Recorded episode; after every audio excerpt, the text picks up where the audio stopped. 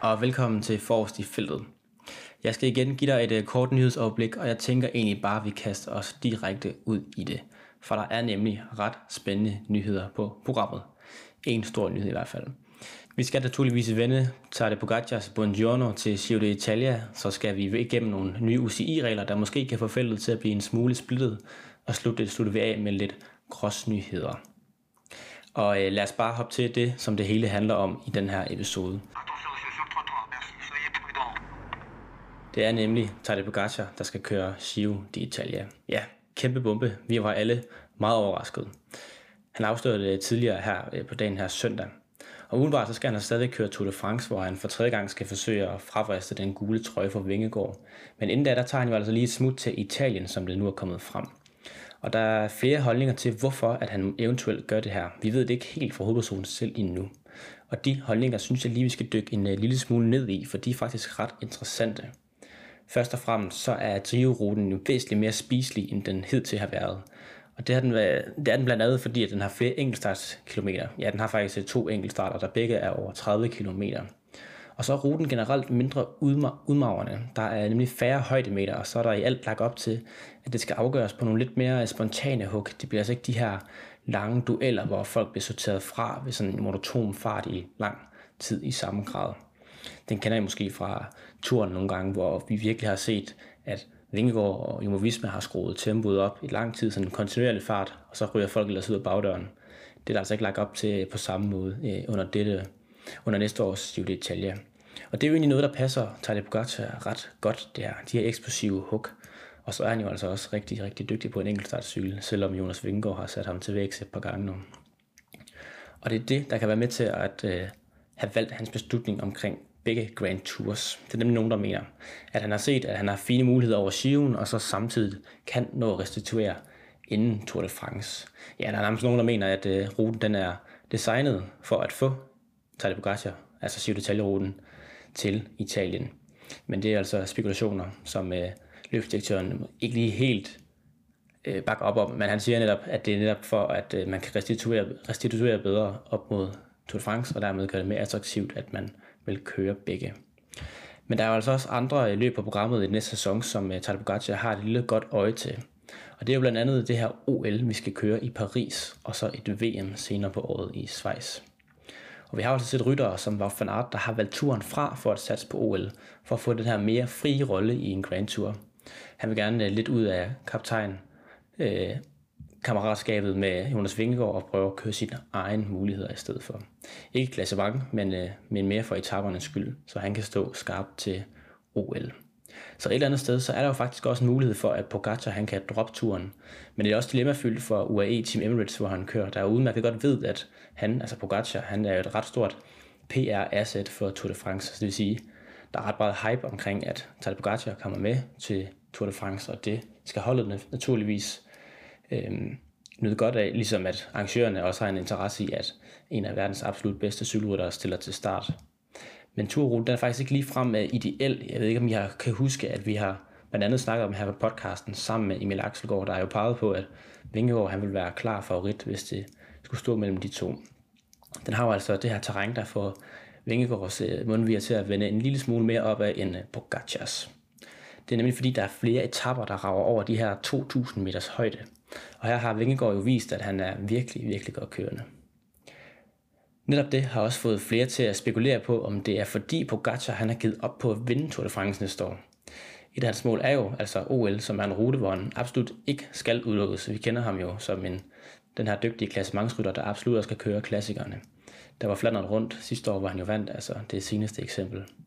Ja, nogle de mener simpelthen, at han skulle have valgt turen fra til fordel for OL, fordi han ikke regner med at kunne vinde den foran øh, Vingegaard. Men det skal jo altså også lige med, at han stadigvæk kun er 25 år, så hvis han satser, så er det jo på ingen måde et endegyldigt farvel til Tour de France for hans vedkommende. Han har mange gode år i sig nu. Men det kan altså øh, helt sikkert betyde mindre konkurrence, hvis nu han ikke skulle vælge at stille op til Vingegaard. Så vil Vingegaard jo altså have øh, Venepol blandt andet som en af de største konkurrenter. Men om der overhovedet bliver et scenarie, eller om øh, Pogacar kører begge, det ved vi altså ikke nu. Men øh, man kan jo altså sagtens køre flere Grand Tours på en sæson. Sepp Kuss, der jo vandt Vueltaen, han kørte jo faktisk alle tre. Godt nok ikke som øh, klassementskaptajn i øh, alle tre, men øh, ikke desto mindre, så var han jo altså med, og han kørte, og han var faktisk med til at vinde alle Grand Tours. Ja, så øh, hvad der skal ske, det bliver selvfølgelig spændende at følge med i, og det følger vi naturligvis tæt her på feltet.dk. Men øh, en mindre bombe, det er det da helt sikkert.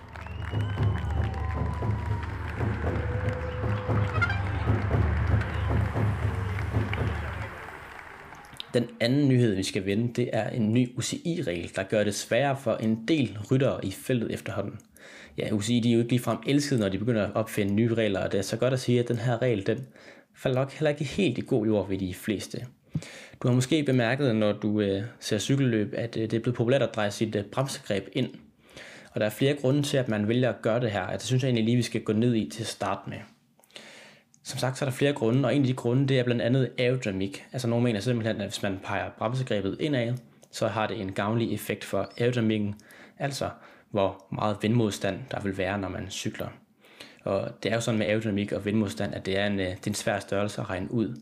Øh, men der er også nogen, der har lavet nogle tests på det, og nogen har, har fået gavnlige resultater, og andre har fået knap så gavnlige resultater. Men der er altså nogen, der tror på det her og peger dem ind af aerodynamiske grunde. Altså ren og skær bare aerodynamiske grunde på cyklen.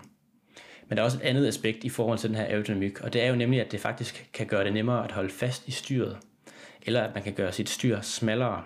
For du husker måske for et par år siden, hvor det var lovligt at have armene på det øverste af styret, så man kunne lægge sig i en form for enkeltstartsposition, men det må man altså ikke længere. Man skal have hænderne på bremsegrebet.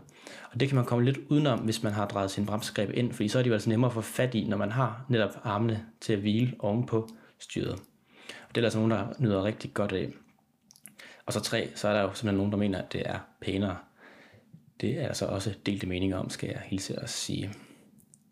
Så er der jo altså også klager mod det her, og det er her, hvor UCI de har valgt at gribe ind. Der har nemlig været rigtig mange øh, negative reaktioner på de her bremsegreb, der er blevet drejet ind. Der blandt andet klandrer dem for at øh, gøre det svære at bremse ordentligt og svære at reagere. Og det her, det er altså to meget, meget øh, bekymrende tendenser, som blandt andet George Bennett og Christopher Juel Jensen, danskeren på JK Lula, har været meget efter. Blandt andet i øh, marts her i år, der var de lange de ud efter de her bremsegreb, hvor de faktisk klandrer dem for at være decideret farlige.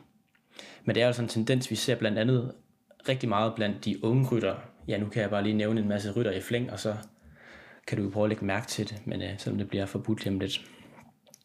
Juan Ayuso, Quinn Simmons, Tadej Pogacar, Tim Vellens, Taco van der Horn, Julius Johansen. Ja, og så hvis du tager en uh, tur i det danske A-felt, så vil du også, uh, også støde på det rigtig, rigtig mange gange. Det er blevet meget populært, og det er blevet en, uh, en mindre dille, kan man vist godt sige.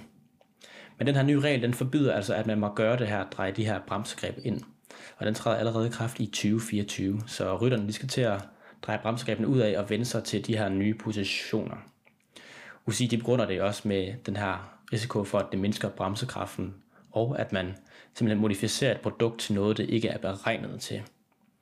I 2024 der skriver de også, at der kommer regler i samarbejde med leverandørerne, så altså at SRAM, Shimano og Campagnolo de kommer til at få indflydelse på, hvordan de her bremsegreb skal indstilles korrekt. Og øh, for lige at sætte det lidt i kontekst med det her styr, jeg snakkede om tidligere, så er der altså regler for, hvor bredt et styr må være. Det må nemlig maks være 305, undskyld, 350 mm bredt. Og det kan man altså komme lidt udenom, hvis man hviler sin arme på styret og samtidig holder fast i bremsegrebene, som før beskrevet.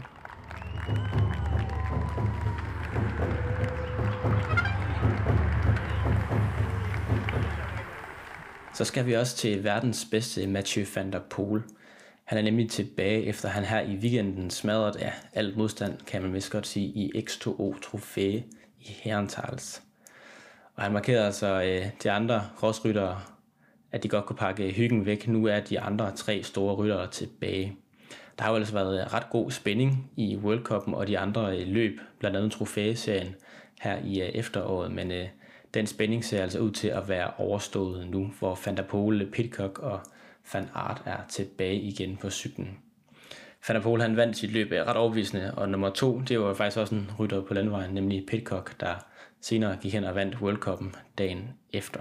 I hvert fald en afdeling i den. Det var dog uden øh, Van der Pol til start, og du kan altså også godt glæde til, at øh, Wout van Aert han kommer til, som jo altså også vandt sit første løb dog med, med, med ringere modstand. De tre store, de brager nemlig sammen en del gange herhen over i julen.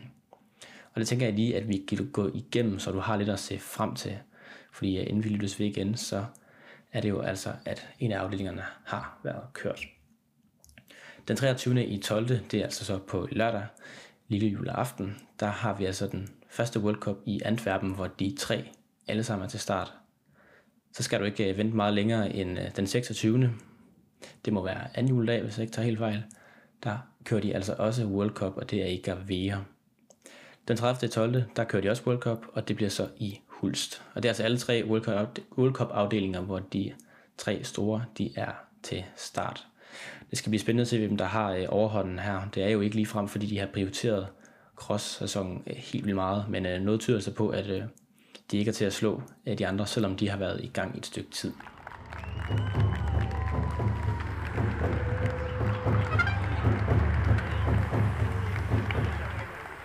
Det var alt for dette omgang forrest i feltet, hvor vi fik en, øh, en nyhed, der var lidt større end dem, vi plejer.